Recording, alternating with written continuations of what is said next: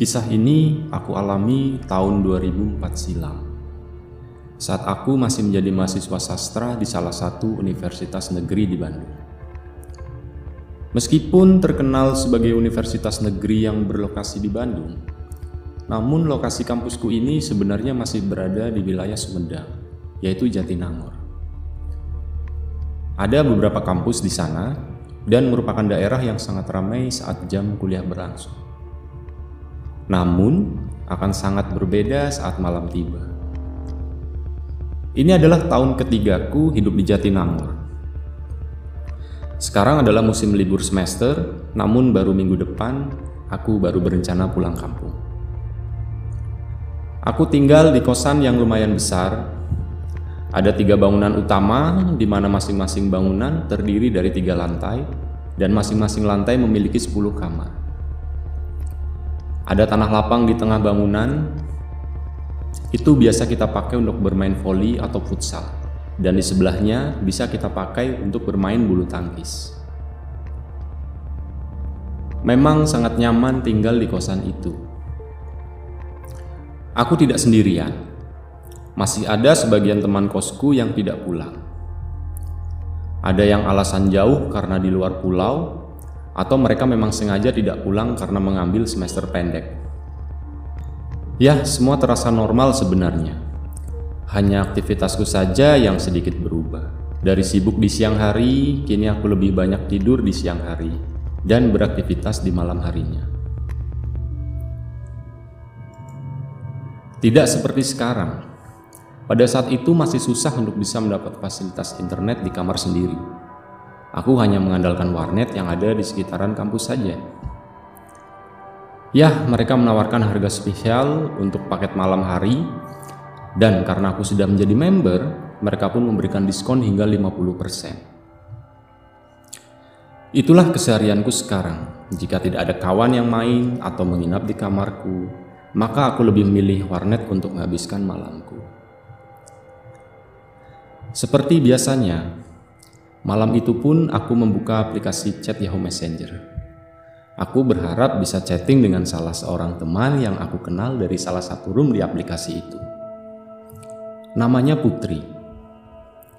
Aku mengenalnya sudah hampir setahun, namun aku belum pernah sekalipun melihat rupanya. Dan anehnya, aku menyukainya. Bisa dibilang aku jatuh cinta dengan teman mayaku itu. Pukul 10 malam lewat 5 menit, aku belum melihat Putri online. Tidak biasanya, setauku dia selalu online dan belum pernah sekalipun offline. Mungkin dia masih ada pekerjaan, pikirku. Sambil menunggu putri, aku membuka browserku dan melakukan random browsing apa saja yang terlintas di kepalaku. Sekarang sudah pukul 11 lewat 10 menit. Tiba-tiba ada message masuk. Yah, akhirnya putri online juga. Halo Aldi, apa kabar? Sorry, aku baru bisa all, tulisnya. Kami pun lanjut ngobrol seperti biasanya. Dia bercerita kalau dia baru saja mengalami hal aneh di rumahnya. Sudah beberapa hari ini dia bermimpi didatangi dua anak kecil kakak beradik. Dalam mimpi itu, mereka terus memanggilnya kakak, kakak, kakak sambil melambaikan tangan. Putri tidak menghiraukannya, dia hanya diam seolah tidak melihat mereka.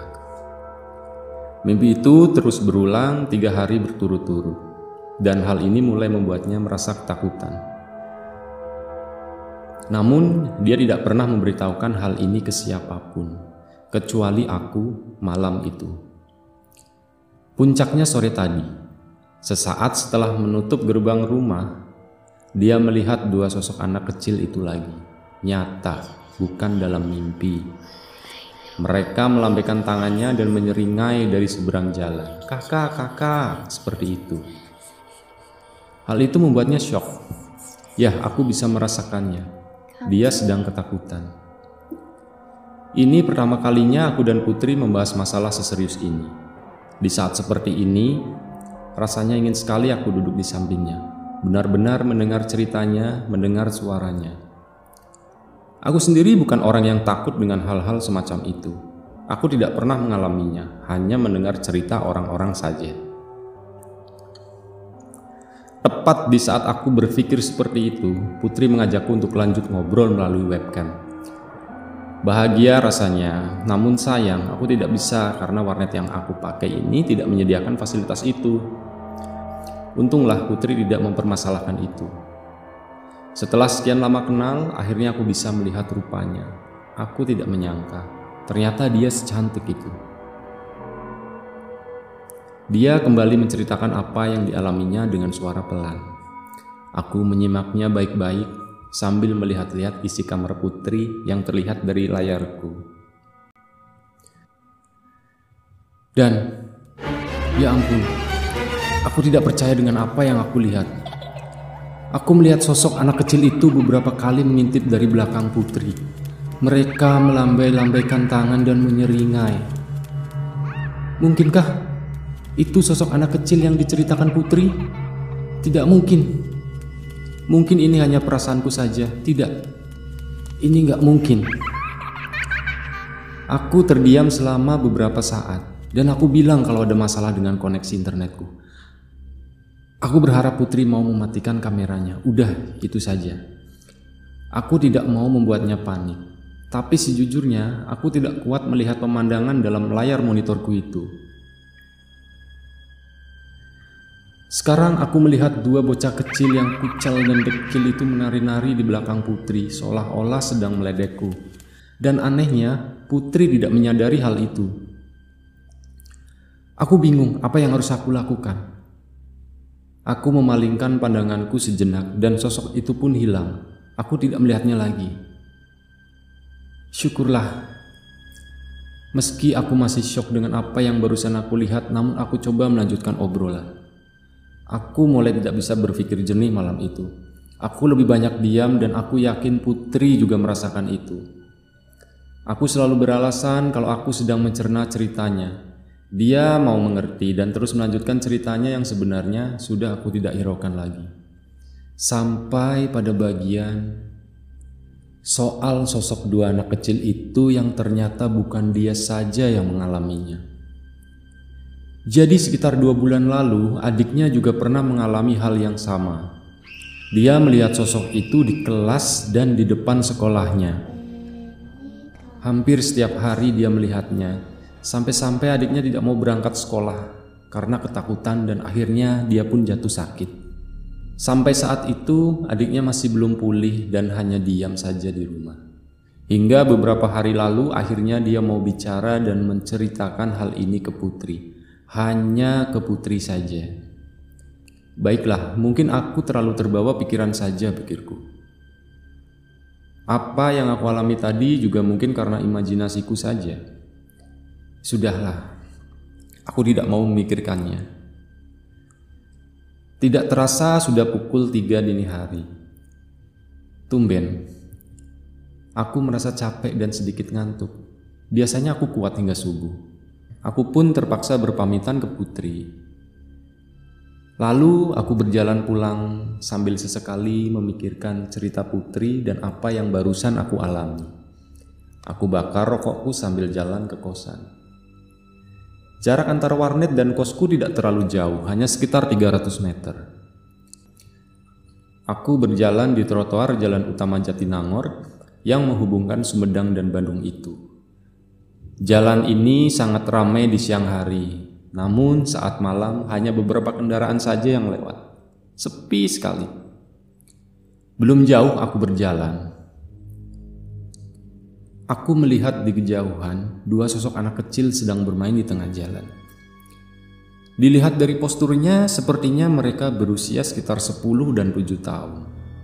Kemungkinan mereka adalah kakak beradik, laki-laki dan perempuan. Mungkin si anak perempuan itu kakaknya, karena posturnya lebih tinggi. Tiba-tiba aku teringat dengan putri dan sosok yang aku lihat di monitorku tadi. Ya ampun, sepertinya itu mereka. Kenapa mereka mendatangiku? Kenapa mereka ke sini? Apa salahku? Dari mana mereka tahu aku di mana? Pikiranku kembali kacau malam itu. Aku terus memandangi dua anak itu.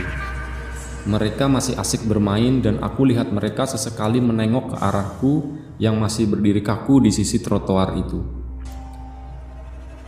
Lampu jalan yang minim membuat aku tidak bisa melihat mereka dengan jelas.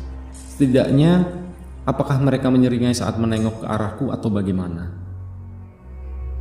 Tiba-tiba ada bus besar yang melaju kencang dari arah Sumedang, dan bus itu menabrak mereka berdua Tubuh mereka terpental ke sisi jalan. Ingin rasanya aku berteriak menyuruh mereka minggir sebelum bus ini menabraknya. Tapi aku tidak sempat. Mulutku terkunci rapat, bahkan aku tidak bisa menggerakkan tubuhku. Satu-satunya yang bisa aku gerakkan adalah tanganku yang memegang rokok dan memasukkannya ke mulutku. Enggak, enggak, ini enggak mungkin. Aku bisa mendengar sayup-sayup suara tawa mereka. Aku melihat mereka bangun dan kembali ke tengah jalan untuk bermain. Anak perempuan itu melambaikan tangan ke arahku seolah-olah tidak terjadi apa-apa. Aku masih diam saja. Namun, entah kenapa kakiku bergerak dengan sendirinya berjalan mendekat ke arah mereka. Perlahan kakiku bergerak maju bukan atas keinginanku, di tengah keheninganku, aku kembali dikejutkan dengan truk yang melintas dan kembali menabrak mereka. Tubuh mereka kembali terpental ke sisi jalan, dan mereka kembali tertawa. Aku berhenti dan terus menatap pemandangan aneh di depanku itu.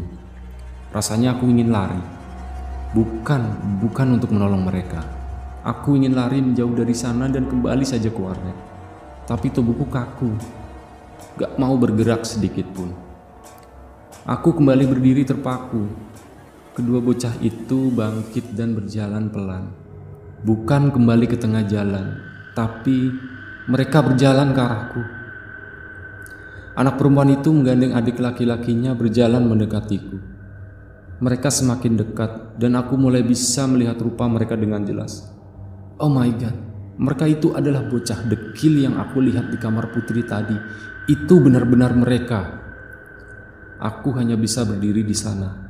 Bahkan aku tidak bisa menutup mataku.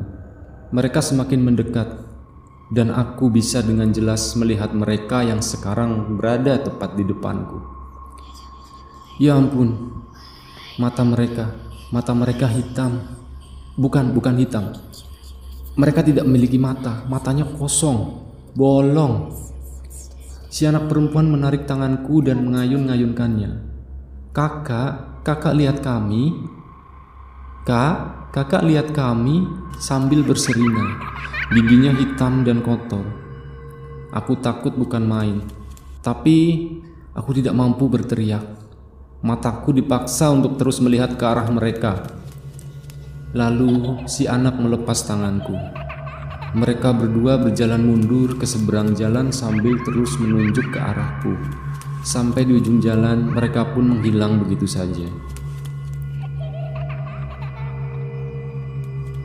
Aku memutuskan untuk tidak kembali ke kosku malam itu dan lebih memilih tidur di warnet. Keesokan harinya terasa biasa saja. Aku tidak menceritakan kejadian ini ke Putri. Aku takut dia mengira aku hanya mengada-ngada. Setauku, hantu anak-anak kecil itu sudah tidak mengganggu putri dan adiknya. Syukurlah. Mereka kini bersamaku, tinggal di kamarku, dan sejak malam itu mereka terus mengikutiku. Aku sudah mulai terbiasa dengan sosok dan aroma mereka. Aku memutuskan liburan semesterku, aku habiskan dengan mereka. Sekarang aku sudah menikah dan punya anak. Hingga saat ini mereka masih bersamaku, tinggal di rumah bersama keluargaku. Aku hanya minta ke mereka jangan pernah mengganggu keluargaku. Aku tidak pernah menceritakan tentang hal ini ke siapa pun, termasuk ke keluargaku yang tidak pernah tahu keberadaan mereka di antara kami selama ini.